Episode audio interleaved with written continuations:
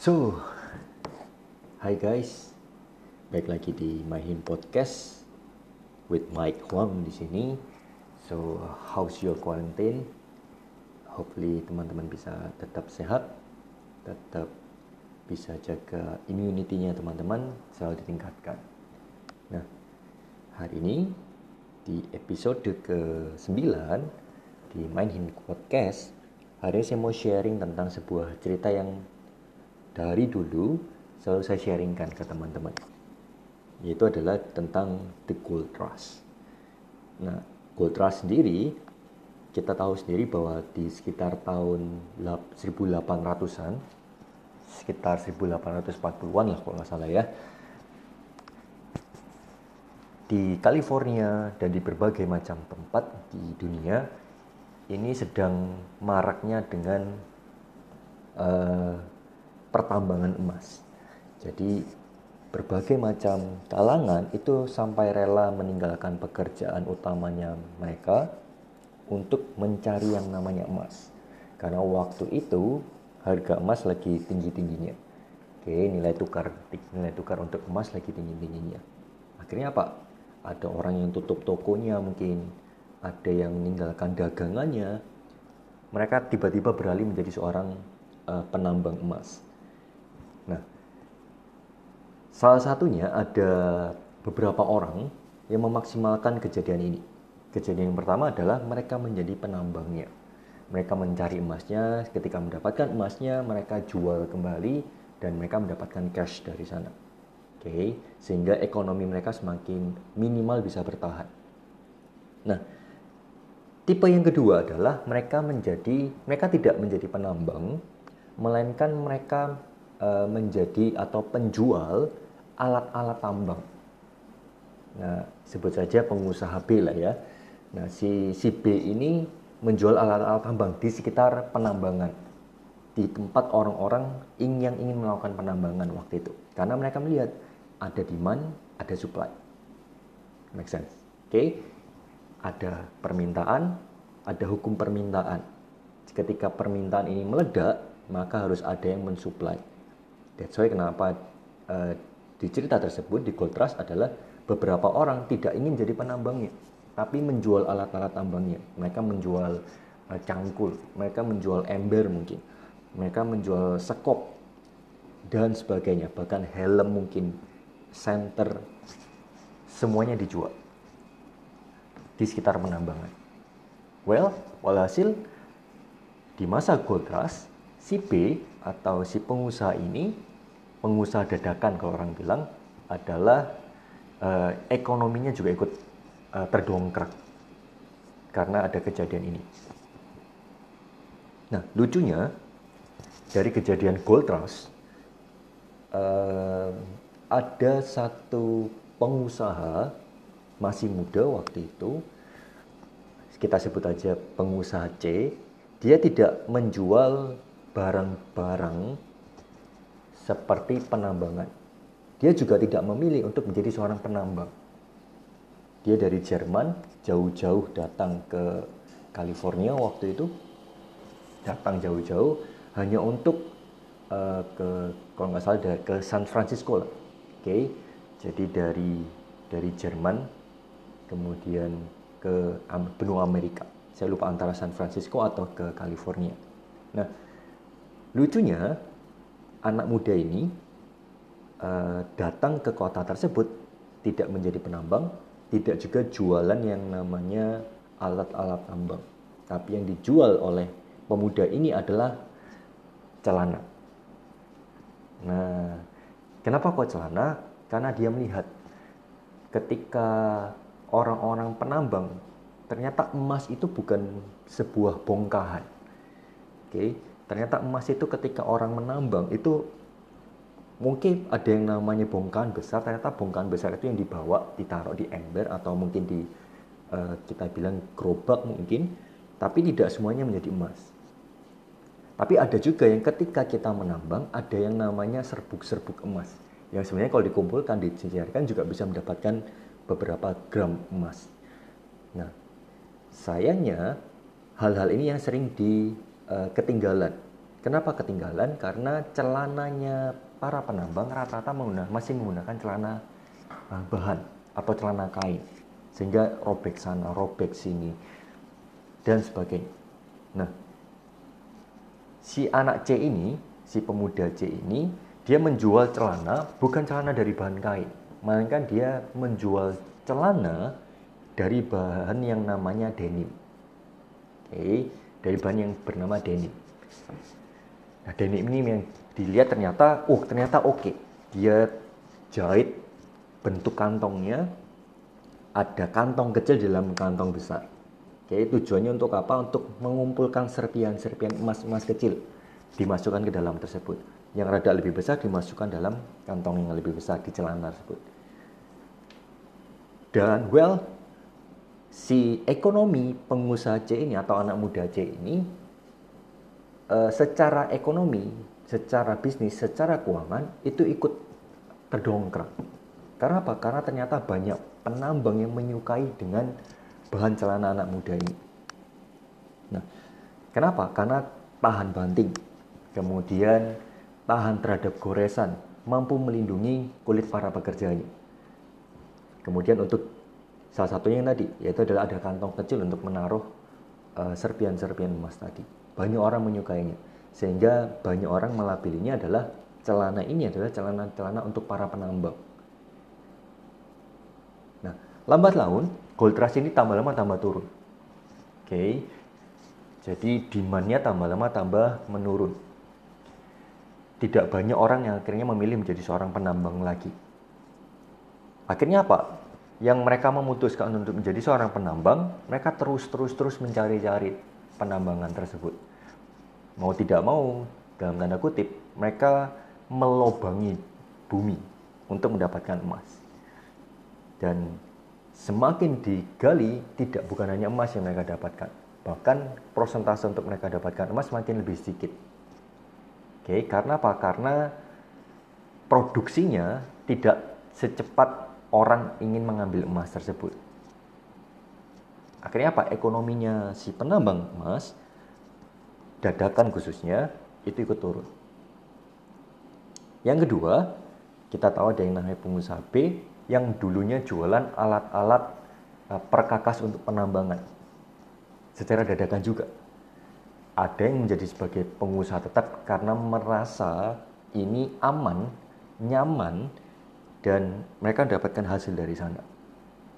Namun mereka lupa bahwa ekonomi berubah.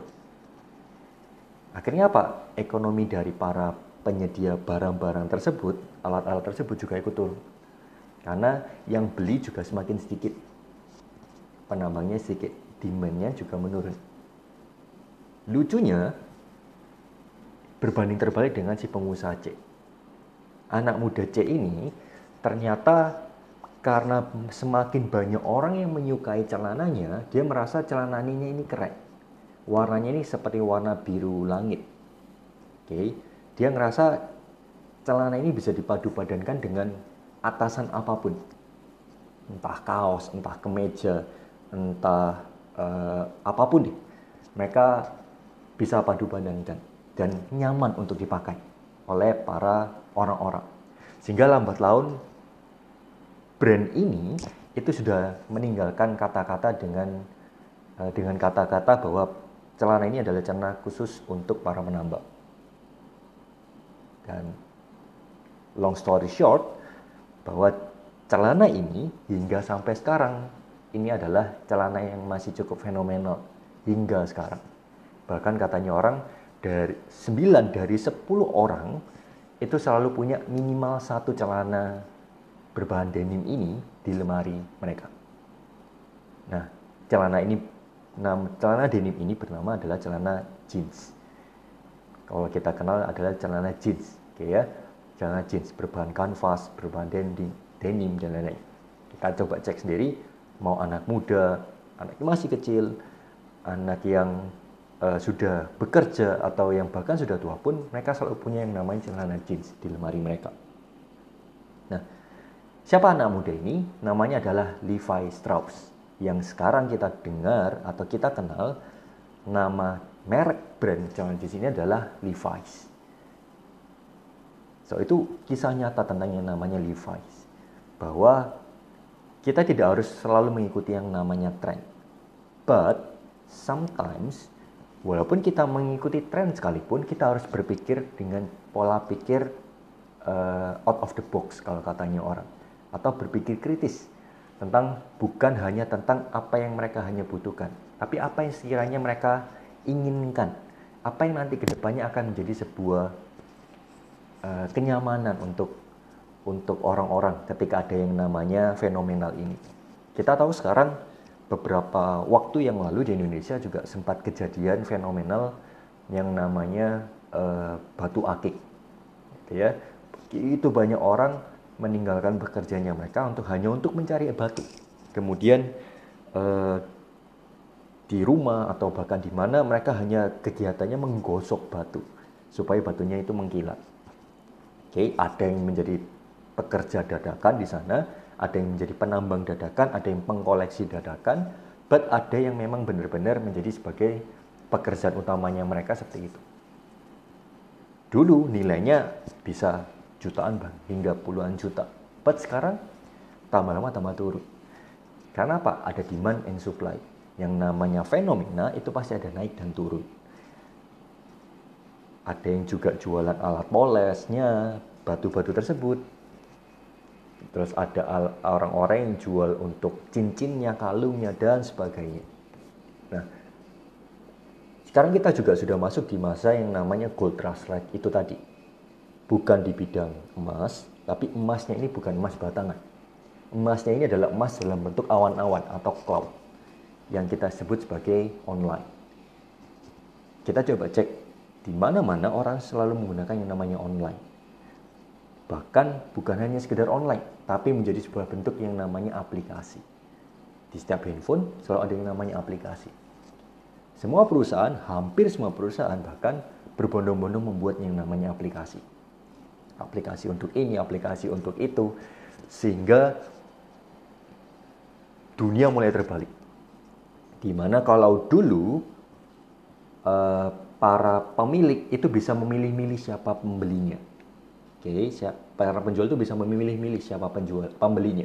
Tapi sekarang para pembeli yang akan memilih-milih siapa penjualnya. Siapa pemilik dari yang namanya e, aplikasi tersebut. Sehingga mereka cek apakah aplikasi tersebut memberikan kenyamanan untuk mereka. Apakah aplikasi tersebut memberikan nilai tambah lebih kepada para pembeli tersebut. Sehingga mereka sendiri yang menentukan. Handphone mereka itu seperti sebuah mall pribadi untuk mereka. Mereka bisa milih toko siapa yang boleh masuk ke dalam mallnya mereka tadi. Tidak semua aplikasi akan mereka download di handphone mereka. Betul ya? Nah, ini adalah sebuah gold trust teman-teman. Ketika demand lagi naik dan perusahaan-perusahaan supply juga juga lagi naik. Kita coba bisa berpikir apa yang kita bisa perlakukan dengan yang namanya dunia online ini tadi. Ada yang dulunya tidak terkenal, nama-nama yang tidak terkenal dulunya, ya, tapi karena ada yang namanya kejadian online ini, mereka tidak mungkin tidak menjual yang namanya aplikasi. Mereka mungkin tidak menjual yang namanya uh, bukan sebagai perusahaan supply, tapi mereka mungkin hanya sebagai seorang spesialis. Spesialis pengajar, misalkan Instagram online.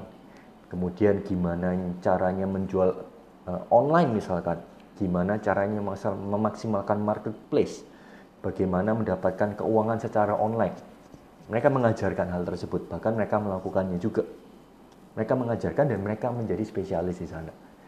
Nah, mereka berpikir di luar dari uh, pada umumnya orang-orang di luar sana yang mereka hanya sekedar pakai-pakai aja atau buat-buat aja. Mereka adalah sebagai seorang perantara terhadap terjadinya sebuah fenomena. Nah, kita nggak tahu fenomena yang akan ke depan ini terjadinya setelah online ini apa. Setelah dunia aplikasi ini akan terjadi seperti apa. Kita nggak pernah tahu karena itu adalah misteri. Tapi apa pun itu akan selalu muncul yang namanya seorang spesialis dari sebuah fenomena. Akan muncul sebuah brand yang akan selalu dikenal baik personal brand maupun brand produk sekalipun yang akan selalu dikenal ketika sesuatu itu terjadi even sekalipun dalam bentuk yang namanya krisis. Kita tahu sendiri, waktu saya bikin podcast ini, Indonesia bahkan dunia sekarang sedang mengalami yang namanya sebuah gold rush dalam tanda kutip yaitu adalah COVID-19.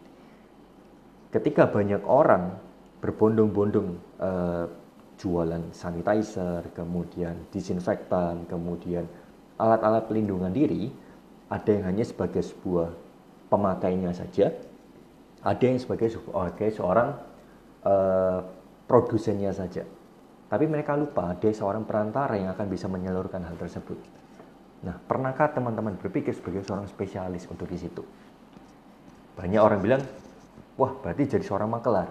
Yes, hampir mirip jadi seorang makelar, tapi berbeda cara pandang. Kalau orang bilang selalu bilangnya dropshipping, reseller, dan something like that. Oke, okay? dan inilah fenomena yang terjadi di dunia online sekarang, di mana pekerjaan bukan hanya sekedar uh, jual beli barang, tapi bahkan jasa sekalipun mereka bisa jual. Training sekalipun mereka juga bisa jual di industri online ini tadi. Nah, lalu bagaimana untuk menjadi seorang spesialis? Ternyata untuk menjadi seorang spesialis, teman-teman hanya membutuhkan waktu 6 bulan untuk hibernasi. Maksudnya apa? 6 bulan untuk melakukan yang namanya kuarantin pribadi, kuarantin mandiri. Kuarantin terhadap apa? Dunia-dunia luar yang selama ini selalu tidak mengembangkan pola pikir dari teman-teman. Hangout yang tidak jelas, nonton-nonton film-film yang nggak jelas, menghabiskan waktu untuk melakukan hal-hal yang tidak jelas, nongkrong di tempat-tempat yang nggak jelas, menghabiskan uang untuk hal-hal yang tidak jelas. Mereka enam bulan tersebut, mereka totally fokus untuk mempelajari hal apa yang ingin mereka uh, spesialisasikan. Mungkin teman-teman ingin menjadi seorang spesialis di bidang Instagram. So, enam bulan teman-teman kuarantin, perbanyak pembelajaran tersebut, perbanyak praktek di hal-hal tersebut, selama enam bulan dan akhirnya enam bulan teman-teman jadi seorang spesialis dan teman-teman bisa menjual jasa tersebut. Make sense? Teman-teman ingin jadi seorang spesialis dalam bidang apa? YouTube misalkan. Teman-teman kuarantin selama enam bulan, cari mentor-mentor yang sesuai, cari pembelajaran knowledge-knowledge yang sesuai dengan apa yang ingin teman-teman fokuskan, ingin jadi spesialis di bidang apa, enam bulan, belajar dan praktek, lalu evaluasi, teman-teman jadi seorang spesialis dan teman-teman bisa jual kemampuan teman-teman menjadi sebuah training. Jadi inilah dunia yang di mana uh, kita berada di dunia yang di mana kita punya market yang tanpa batas. Dulu hanya satu kota saja, tapi sekarang seluruh dunia akan bisa belajar ke satu orang, ke beberapa orang yang sudah menjadi seorang spesialis. Nah, pertanyaannya adalah, apakah teman-teman mau hanya menjadi itu-itu aja atau hanya menjadi seorang pengikut-pengikut aja atau teman-teman menjadi seorang spesialis. This is the Gold Rush from Mind Him Podcast. Sampai jumpa di podcast-podcast berikutnya. Saya Mike. Salam gila.